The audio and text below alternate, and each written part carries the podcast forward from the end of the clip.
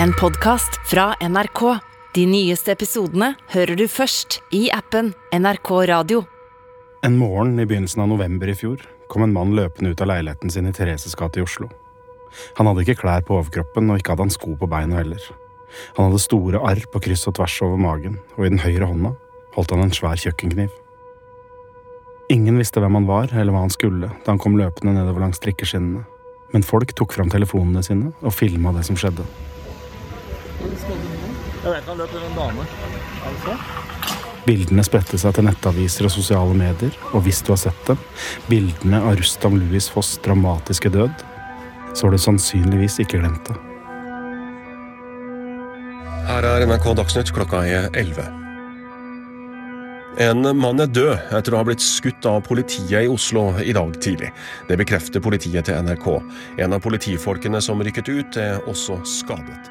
Det var Vi starter med drama på Bislett i Oslo. Mannen som ble skutt og drept av politiet i formiddag, var på permisjon fra tvungent eh, psykisk helsevern. Så jeg så bare at politibilen tok fart, og så hørte jeg smellet av en politibil som dundrer inn i en vegg, og så hørte jeg ham skrike, og så hørte jeg at de skjøt mange ganger.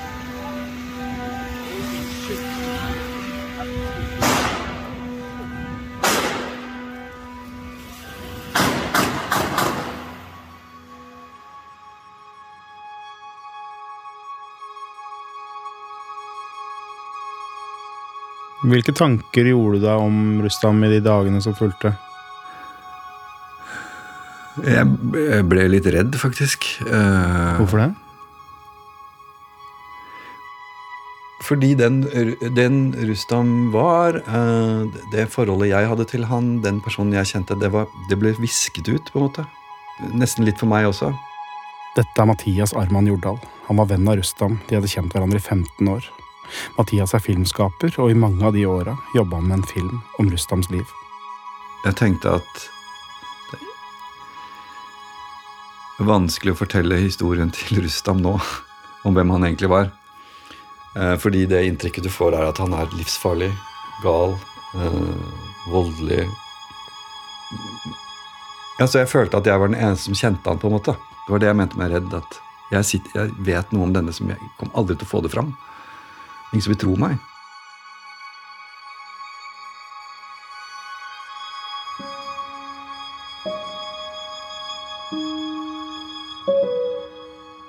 Nyhetsdekninga rett etter skuddene i Thereses gate var forvirrende. Det sto flere steder at mannen med kniven hadde ropt på Allah mange ganger før han til slutt ble skutt, og både politi og eksperter ble spurt om mannen med kniven kunne ha vært terrorist. Men så begynte de andre historiene å komme like etterpå. Han var ikke terrorist, langt ifra, han var skuespiller, han hadde spilt i kjente filmer og TV-serier og hatt et sjeldent talent. Og så kom nyhetsklippene fra den spontane minnemarkeringa som ble holdt der, i Thereses gate. Hundrevis av mennesker gikk taust oppover fra Bislett stadion. De tente lys og la ned blomster på stedet der Rustam døde. Og så var det noen som satte en høyttaler der, blant alle lysene, og fra høyttaleren kom en melodi.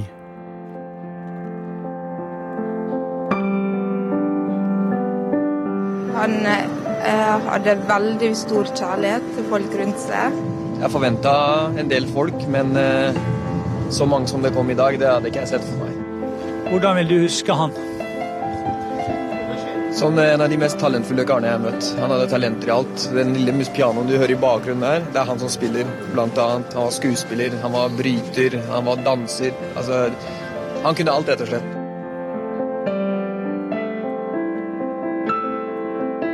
Det var Rustam sjøl som spilte på opptaket. Det var han som tonesatte minnemarkeringa på stedet der politiet skjøt ham. Og i dagene som fulgte, ble jeg gående og lure på hvem han var. De forskjellige opplysningene om ham passa ikke sammen. På den ene sida var han skuespiller og spilte klassiske stykker på piano, og på den andre sprang han barbeint rundt i byen og veiva med en svær kniv. Hvem var denne mannen? Hvem var Rustam Louis Foss? Og hvorfor måtte livet hans ende sånn på et fortau på Bislett? Dette er første del av Mannen i Thereses gate. Jeg heter Joakim Førsund.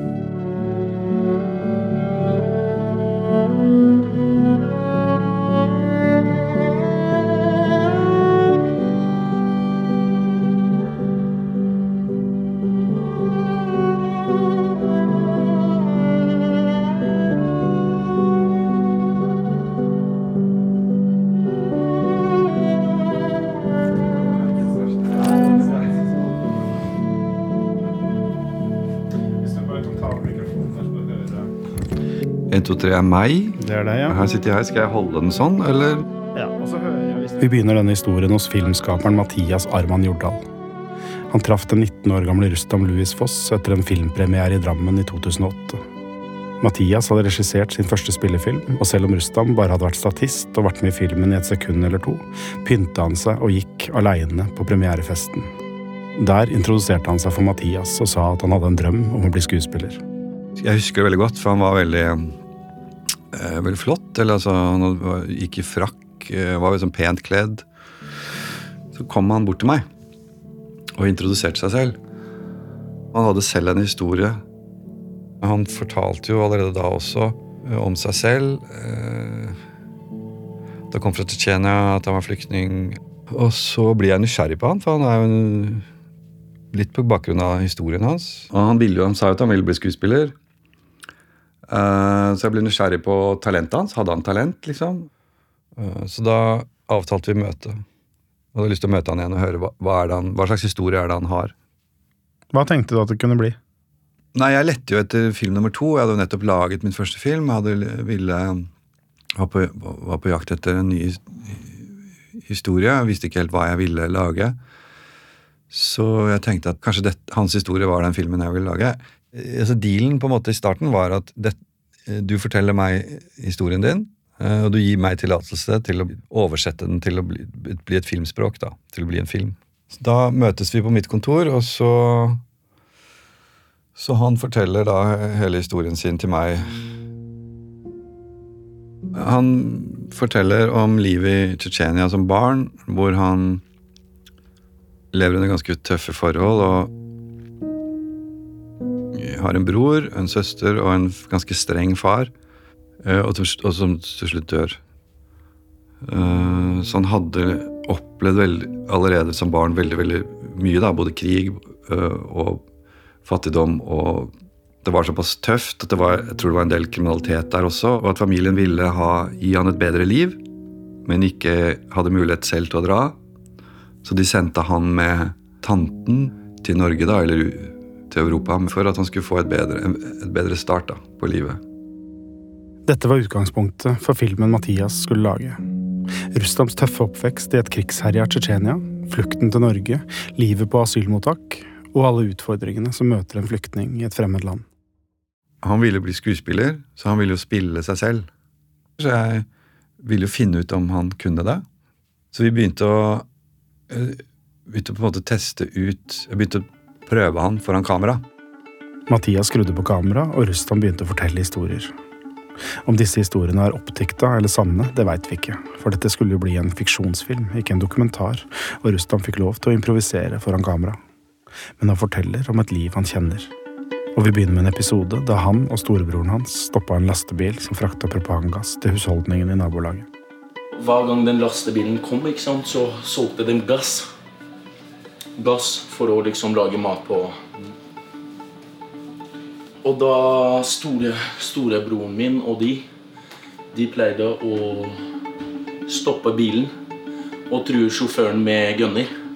Mens vi små gutta løp opp på lastebilen, tok gassen og løp med gassen på hodet. Og da husker jeg moren min skrek Du kan ikke gjøre sånt. Og jeg bare Nei, bare gå inn. Løp med gassen, og det var ganske moro. Men i, i Tsjetsjenia så var det, det er bryting du trente Ja, bryting også freestyle. Var det noe du begynte med selv, eller var det noe som Nei, det var noe som eh, vi ble bedt å gjøre. Vanligvis ikke sånn, det er ikke, du spiller ikke fotball i Tsjetsjenia, liksom. Nei, jeg likte faktisk å spille fotball Ja. når jeg var eh, veldig liten, men eh, det ble ikke som ønsket. Var det, var det ikke du som bestemte det, eller Nei, var det noen andre som bestemte det for deg? Bestemte at du, bestemte, bestemte at du skulle være bryter istedenfor At jeg skulle være fighter, ja. Det var i grove trekk det Rustam sa til Mathias Arman Jordal. At han vokste opp i fattigdom blant kriminelle i et krigsherja Tsjetsjenia. At faren hans var død, og at han dro til Norge da han var 13 eller 14, uten broren og søstera og mora si. Det var tanta hans som tok ham med seg, tante Amina. Hun bor aleine i en liten leilighet like nord for togstasjonen i Drammen. Skal du ha drikke noe? Kaffe? Ja, ja takk. Inne hos tante Amina er veggene hvite og gardinene er trukket igjen. I et hjørne i stua ligger tingene Rustam etterlot seg, i en rød bag og to pappesker. Og på en stor TV surrer et russisk debattprogram som Amina ikke følger med på. Kan du fortelle om den dagen Rustam ble født? Ja, Rustam kom i verden i Kasakhstan Så Han ble født i Kasakhstan. Med blå og grå øyne som jeg, og så lyst hår. Alle sagt at han ligner på meg. Alle sagt sånn. Rustam øh, han, han var skikkelig åpen barn. Når Rustam ble født, det var, andre, nei, det var tredje barn til søsteren min. Men øh, jeg hadde ikke barn. Men alle hennes barn, øh, det var som mine også, egentlig. Ja. Jeg var som mamma til han. Men han visste at han har to mamma. Jeg blir sittende hos Rustams tante Amina i mange timer. Hun sier at Rustam var som en sønn for henne, at hun tok seg av ham i store deler av oppveksten hans, selv om Rustam hadde en egen familie, en mor, en far og en bror og en søster. Hun sier også at hun og Rustam ikke er fra Tsjetsjenia, som det står i de offisielle papirene deres, men fra Kasakhstan. Mange tsjetsjenere bor der etter at Josef Stalin fordrev hele det tsjetsjenske folket østover for snart 80 år siden. Denne kanskje dere har hørt om eh, andre eh, verdenskrigen. I denne tiden, Stalin, det var eh, da alle tsjetsjenske folk ble sendt fra mm, Tsjetsjenia og på forskjellige steder, men mest til Kasakhstan. Vi alle ble født i Kasakhstan, egentlig. Mor Amina Rustam var i Tsjetsjenia noen ganger da Rustam var liten, for å besøke slektninger. Men han er født og oppvokst flere tusen kilometer lenger øst, i en by kalt Karaganda i Kasakhstan. Og det var fra Kasakhstan hun flykta. Hun satte seg på en buss sammen med Rustam og dro. Hun forteller ikke hvorfor, og hun forteller ikke hva hun flykta fra. Hvordan ble det et tema at Rustam kanskje skulle være med til Norge? Egentlig, vet var jeg, tiden, jeg kan ikke fortelle alt som eh, Det var skikkelig vanskelig situasjon hos søsteren min. 90-tallene var skikkelig vanskelig overalt. Russland, både Russland, Kasakhstan, overalt. Etter perestrojka. Jeg vet ikke, men i denne tiden jeg ville komme til Norge. Det var 2002. Det var eh, vinteren. Rustam reiste fra Kasakhstan en gang på seinvinteren i 2002, og det var slutten på historien om oppveksten i hjemlandet hans. Og du merker det sikkert, at det tante Amina sier, skiller seg en god del fra historien Rustam fortalte sjøl til regissøren Mathias Arman Jordal. Og det skal komme til å gå igjen gjennom hele denne podkasten. Alle jeg snakker med som kjente Rustam, sier at han var født i Tsjetsjenia. Alle sier at han vokste opp i en krigssone, og at faren hans ble skutt av russiske soldater. Det var det Rustam alltid hadde sagt, og ingen hadde hatt noen grunn til å tvile på det. Historiene varierte litt. I noen av dem døde Rustams storebror også, og i noen flykta Rustam aleine til Norge i et containerskip. Men det gjorde han ikke. Han dro sammen med tanta si. De tok bussen fra Karaganda i Kasakhstan til Moskva i Russland. Så skifta de buss og kjørte gjennom Polen til Tyskland. Og i havnebyen Kiel gikk de om bord på en ferge som skulle til Norge. Og da de kom i land, tok de taxi til politikammeret på Grønland, og der fortalte Amina sin eneste løgn, sier hun. Der sa hun at hun og Rustam var mor og sønn på flukt. Jeg, jeg tok han og skrev på intervju, stor intervju at han er min sønn. Og da vi fikk oppholdstillatelse Jeg er skikkelig glad at vi fikk uh, i Lier, nærmest på brytningssport. Den sporten for han var alt. Han var skikkelig stolt av dette. Familien til Rustam hadde sagt det før han dro, at brytinga kunne bli billetten til et bedre liv. Hvis han hadde suksess på matta i Norge, så ville han kunne få suksess i livet også. Rustam og Amina flytta til en kommunal bolig i Lier. Rustam begynte på ungdomsskolen, og Amina fikk jobb på Nille. Og det er nå Rustam blir introdusert for Norges mest berømte brytefamilie, familien Rønningen. Den olympiske mesteren Jon Rønningen hadde to tvillingsønner. De var juniorer og best i landet, og de var medlemmer av Drammens atletklubb. Snu deg ordentlig rundt. Der er ned på kne. Og dra. Og det er her jeg er nå, i en liten gymsal på en skole ved utløpet av Drammenselva. På en gul og rød brytematte står Anders Rønningen. Ni ganger norgesmester og én gang lagkamerat og venn av Rustam. For det var her inne du traff ham? var det det? Her i hallen her? Det var her jeg møtte han første gang. Jeg og broderen vi kom på trening. Vi går inn eh, døra, inn i garderoben, og så får vi vite at eh, Dere! Dere har fått en ny sparringspartner fra Russland. vi bare Hæ? Fra Russland? Ja. Skifta og sånn, og så gikk vi inn på matta, og der sto det en kar, da og var varm og klar før trening. Eh, shorts og en eh, sånn eh, eh, T-skjorte som var eh, halvveis singlet. Som stopper i skuldra der. Og treningspannebånd. Det hadde han. Altså, han eh, beit fra seg med en gang. Nå har jeg vært på landslaget og reist mye rundt. og og det var som å møte internasjonal bryter eh, i en ung alder.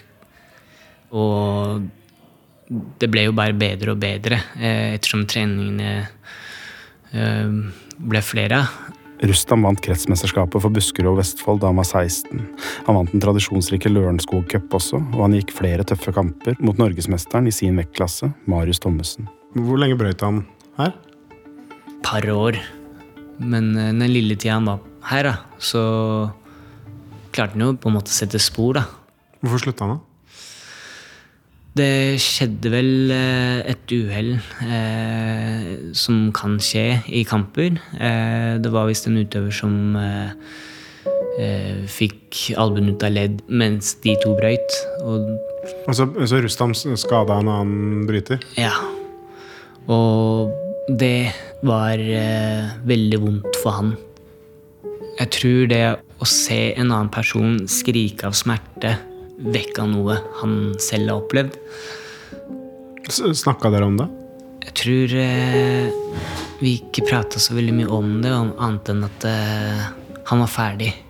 Han bare sa at han, 'det her vil jeg ikke mer'? Ja. Eh, jeg vil ikke at det skal skje igjen. Hadde dere kontakt etter det? Ja. ja. Det var da vi hang mest som venner. Hva slags liv levde han da? Altså, vi øh, visste jo at han øh, drev på med litt øh, sin business. uten å på en måte prate om det. Hva mener du med business? Nei, altså Han drev jo litt med skal jeg si, narkotika. Noe som vi måtte holde avstand fra. ikke sant? Og det ble jo mer og mer feil vei for han. Det var litt for mye festing, og vi var jo på noen fester sammen. Eh, og det som på en måte gjorde at vi sklei litt mer fra hverandre, var da han eh, dro en linje foran oss da, da var det Det kunne ikke vi eh, være borti. Tanta til Rustam, Amina, har også snakka om denne tida. Tida etter at Rustam skada den andre bryteren. Han slutta å trene og begynte å feste. Han var mer og mer i Drammen og mindre og mindre i Lier. Rustam fikk venner Amina ikke kjente, og levde et liv hun ikke visste noe om. I 2004, på våren, han begynte å forandre seg.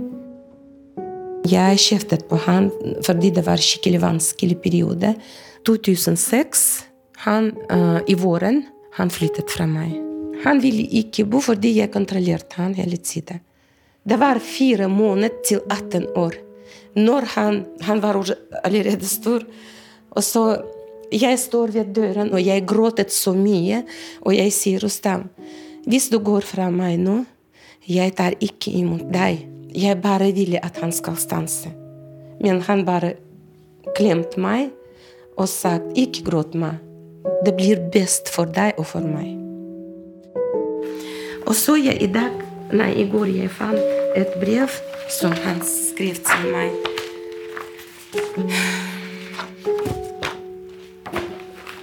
Han bare her ber om unnskyldning. Han hører ikke på meg. Amina viser meg brevet Rustam skrev før han flytta hjemmefra. Han ber om unnskyldning, han lover å skjerpe seg på skolen, og han lover å få seg jobb. Han skal bevise, for deg og for mamma som han skriver, at han kan greie å ta seg sammen.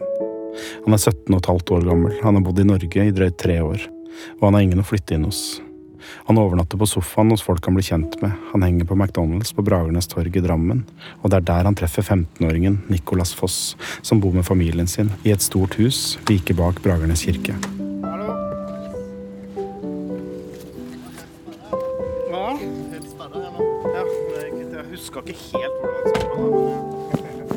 Nicolas er kjørelærer, men han henter meg utafor togstasjonen i Drammen i privatbilen sin, en turkis Porsche 911. Vi kjører over elva, forbi Bragernes torg og parkerer ved et moderne leilighetskompleks rett sør for sentrum. Vi møttes første gang da på, på McDonald's på, på Bragernes torg. Hva visste du om Russland da? da? Uh, egentlig ingenting. Bare at den så ganske tøff, tøffing ut. Store muskler. Bare ansiktet hans bare lyste harding, da. Hei! Jeg skal alltid si hei. Um, Snakka veldig lite om seg selv i starten. Og jeg spurte ikke så mye heller. Og så en dag så bare endte det med at jeg, altså jeg bodde jo egentlig bare ti minutter fra sentrum. Bak Bragernes kirke. Og så ble det at han ble med hjem, da. Ja, så kom vi da opp til, eh, til huset, og så fikk han se åssen vi bodde, da. Hvordan reagerte han på det? Jeg tror han syntes det var litt sånn wow, egentlig. Um, vi hadde en sånn kul kjellerstue som vi hadde innreda til nesten en sånn kino. Um, med svære høyttalere og sånn lerret og prosjektor. Og, og, på en måte kanskje det livet jeg fikk altså vise ham, da, var liksom mye, mye kulere, kanskje. da. jeg var veldig glad i, i merkeklær på den tida der. Um, så han ble jo etter hvert også veldig glad i å låne de klærne. da. Det var liksom Lindeberg da, og Armani og Dolce Gabbana sånn som var hot da. da. Og da Jeg ville låne, da. Når han prata med jenter, da, så ble det mye at, at um, han hadde liksom leiligheter i Miami og LA og Han sa det? Ja, det var liksom, det tror jeg var den største drømmen hans. å komme til til USA og LA, da, Hollywood. Så det var ikke sant at han hadde lerreter i Miami og LA? Nei, det hadde han ikke.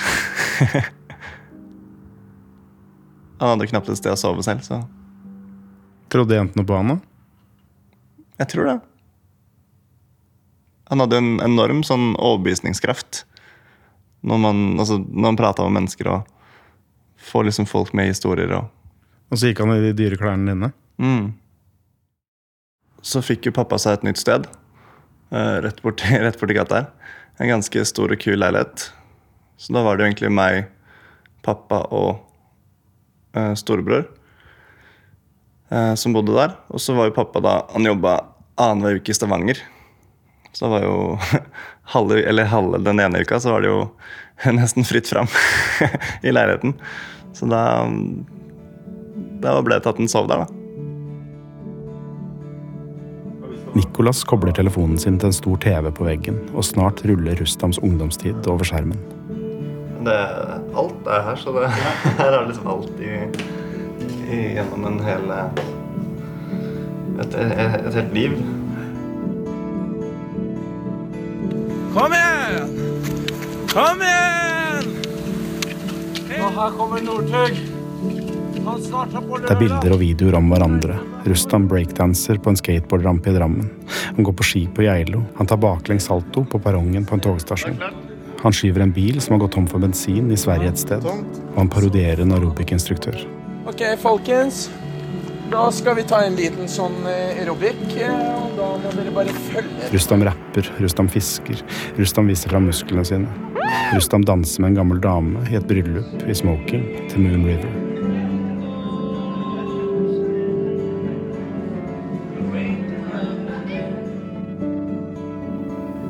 Der, vet Og så er det et siste bilde av Rustam som sover, i bare underbuksa, uten dyne, i en litt for kort sofa på rommet til Nicolas. Der, ja. Det er standard eh, Der vil Hens ligge. Jeg hadde jo stor nok seng, så vi kunne liksom sove sammen, men uh, han skulle ligge på sofaen. Ser ut som han koser seg. Ja. Det var nok en trygghet sikkert for han òg, bare kunne være hos oss, da. Spurte du han hvorfor han ikke var hjemme? Egentlig ikke.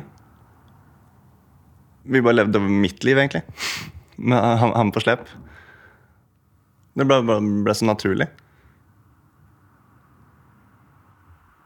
Og jeg har alltid vært en person som aldri har likt å være alene, så jeg, ja, det var hyggelig. Rustam sov oftere og oftere på sofaen til Nicolas, og snart bodde han hos familien Foss. Han kalte Nicolas for brutter'n og foreldrene hans for mutter'n og fatter'n. Han blei med i navnedager og brylluper og på bilturer til Vestlandet, og snart knytta han seg enda nærmere familien Foss. For uten å si det til noen, skifta Rustam Hasanovic Dadaev navn til Rustam Louis Foss. De hadde aldri den store samtalen om Rustams innlemmelse i familien Foss. Han var snart 18 år og myndig, og det hadde ingen hensikt å adoptere ham formelt. Men det kom nok litt brått på likevel, for faren i huset, ukependleren Roar Foss, at han plutselig hadde fått en tredje sønn. Takk, takk.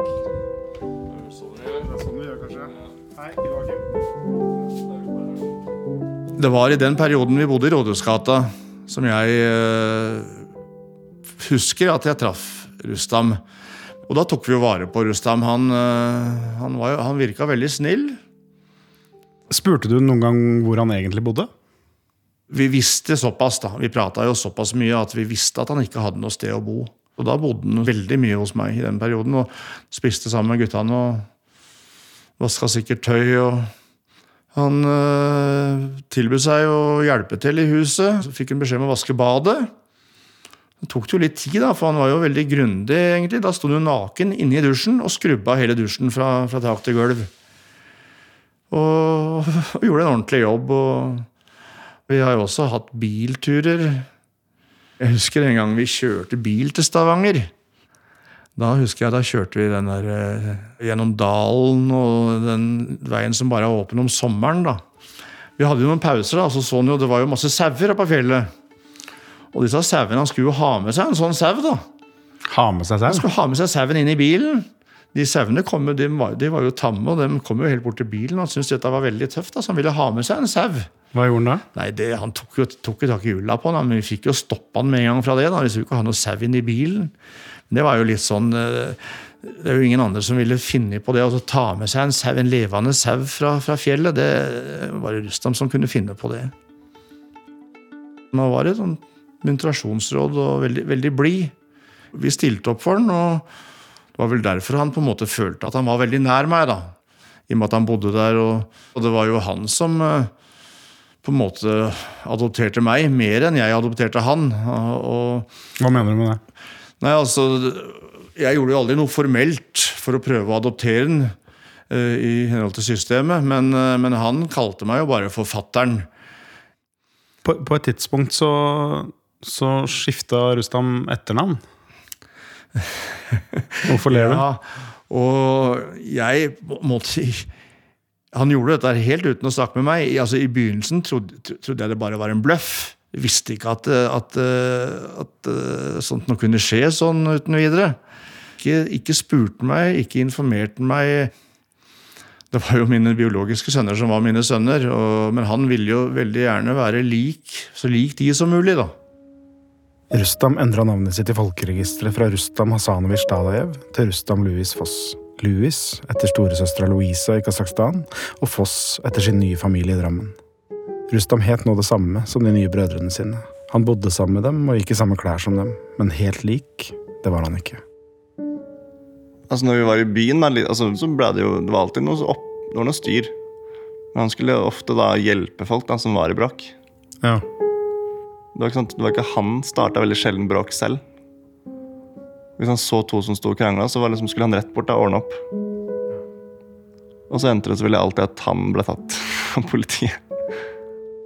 Når vi var på fest og han drakk, så ble han så veldig utagerende.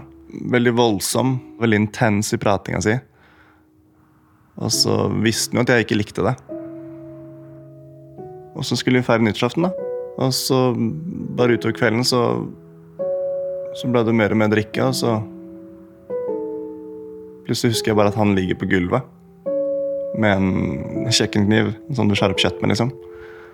Um, mot brystet, da, egentlig. Og jeg liksom kaster meg ned og prøver å holde den kniven. Men da var han jo helt Altså, da var han jo ganske berusa, da. Um, men hvorfor gikk det det, det steget? Altså, alle vi andre vi bare hadde det koselig. Ja. Men det var alkoholen da, som trigga et eller annet. da. Det var altså én veldig sånn ekkel situasjon som skjedde i 2009, tror jeg. Pappa var vel borte den helgen. Så var det vel meg, i Rustam, og så var det tre-fire andre kompiser. Og så to jenter, tror jeg. Og så følte Rustam seg litt dårlig. Uh, han sa ikke hvordan dårlig, men bare følte seg dårlig. Så han gikk inn på rommet, ene rommet, og så, og så la han seg til å sove, tror jeg. Når på døgnet var dette? Ti, kanskje. På kvelden. Og så fortsatte vi andre bare egentlig surra rundt og holdt på Ja, spilte musikk. Drakk litt, kanskje. Og vi holdt sikkert på til sånn to, tre, fire på natta. Og så dagen etter, når vi våkner, så våkner egentlig at Rustam er helt altså, Veldig hissig. Og så skjønner, altså Vi er jo ganske tåka når vi akkurat har våkna. Men det han har fått for seg, er at da vi har eh, filma han mens han ligger og sover Hadde du det da? Nei. Og da mente han da at vi hadde filma med et webkamera. Og det webkameraet var på et annet rom. Så han mente vi hadde kjørt da ledningen ut vinduet, langs leiligheten og inn vinduet på andre siden. Um, og filma, da. Og ledd han. Altså, han tok med én og én inn på soverommet. Og nesten som et avhør, da. Og så husker jeg at han hadde Mens han prata med oss, så skulle han ha veldig høy musikk. Jeg vet ikke hvorfor. Um, bare skulle ha veldig høy musikk med en sånn derre Sånn fransk, litt sånn fin, fin sang, husker jeg. Men drithøyt. Så var sånn vanskelig å få prata med henne. Mens han hadde disse avhørene med én og én. Um, men vi, altså vi andre vi skjønte jo ingenting. Um, og noen av de andre kompisene mine de ble jo litt engstelige. da. Så, så det jeg på en måte tenker i ettertid, er jo Var det første psykosen? Nicolas visste jo ikke da at disse to hendelsene fra ungdomstida hans i Drammen skulle gjenta seg mange ganger i åra som kom. Det skulle bli flere episoder med Rustam og svære kjøkkenkniver, og han skulle bli mer og mer paranoid også, for hvert år som gikk. Men før alt det så skal livet hans ta en vending. Rustam melder seg som statist til kinofilmen Sammen, som skal spilles inn i Drammen. Han blir kjent med filmens regissør, Mathias Arman Hjortdal, og snart begynner de to å samarbeide om en film om Rustams liv. Og det er et liv som blir stadig mer komplisert.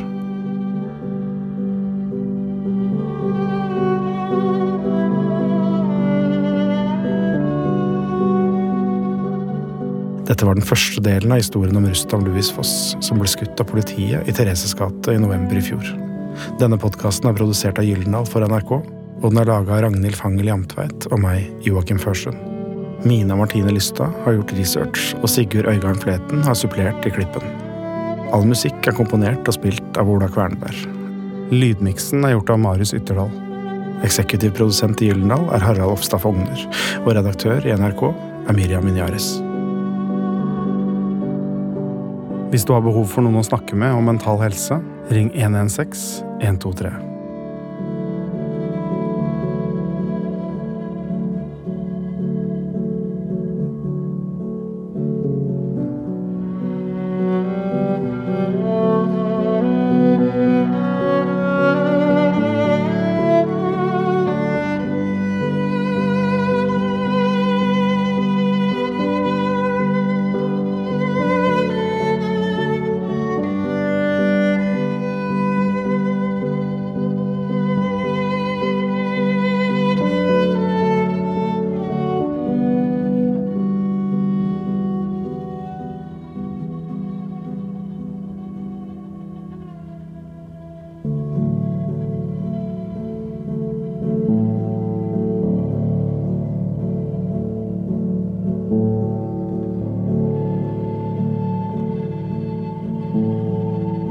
Du har hørt en podkast fra NRK.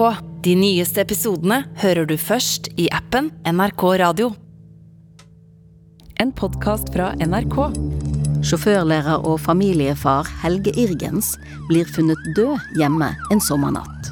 I utgangspunktet så det ut som et helt naturlig dødsfall. Så blir Irgens obdusert. De hadde sett at lungene var litt røde, og derfor hadde han tatt en prøve eh, for å se om det var kullost. For det er typiske tegn, det er det at lungene blir rosa. Så finner politiet spor på en PC.